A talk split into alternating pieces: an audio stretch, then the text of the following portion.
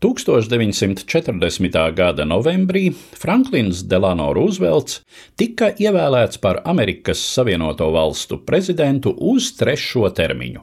Tobrīd vēl nebija pieņemts likums, kas nosaka, ka šo valsts galvas amatu drīkst ieņemt tikai divas reizes. Tomēr ievēlēšana bija bezprecedenta gadījums, un Roosevelts bija, ir un paliek vienīgais trīskārtējais Baltānama saimnieks vēsturē.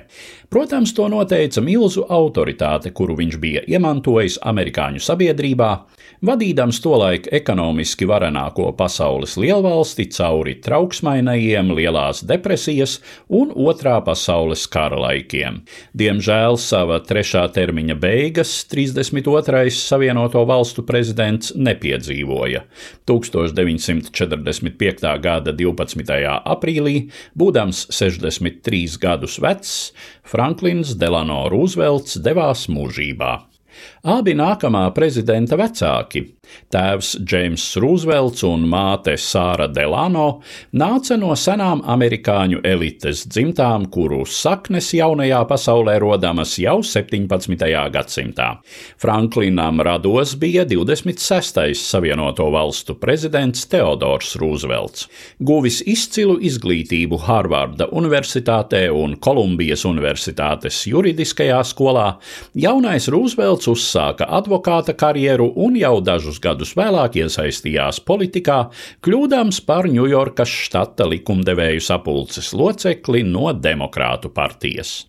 Politisko karjeru nepārtrauca arī 22 gadu vecumā pārciestais poliomielīts, kas uz mūžu iesēdināja Rūzveltu invalīda ratiņos.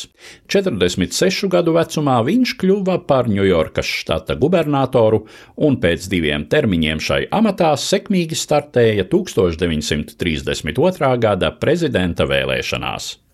Nor need we shrink from honestly facing conditions in our country today, this great nation will endure as it has endured, will revive and will prosper.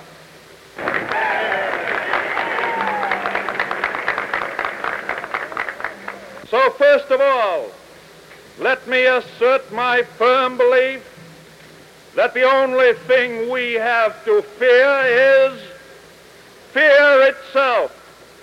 Nameless, unreasoning, unjustified. Mums nav jāvairās atklāti uzlūkot mūsu šodienas situāciju. Šī dižā nācija izturēs, kā tā izturējusi līdz šim. Tā atspirgs un uzplauks. Tāpēc pirmām kārtām ļaujiet man paust manu stingro pārliecību, ka vienīgais, no kā mums ir jābaidās, ir pašas mūsu bailes.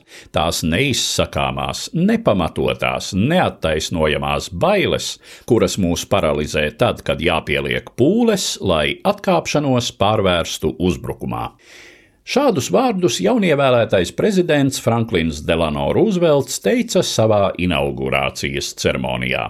Viņš bija stājies pie valsts stūres ļoti grūtā brīdī, kad Amerika smagi cīnījās ar ekonomiskās krīzes sekām.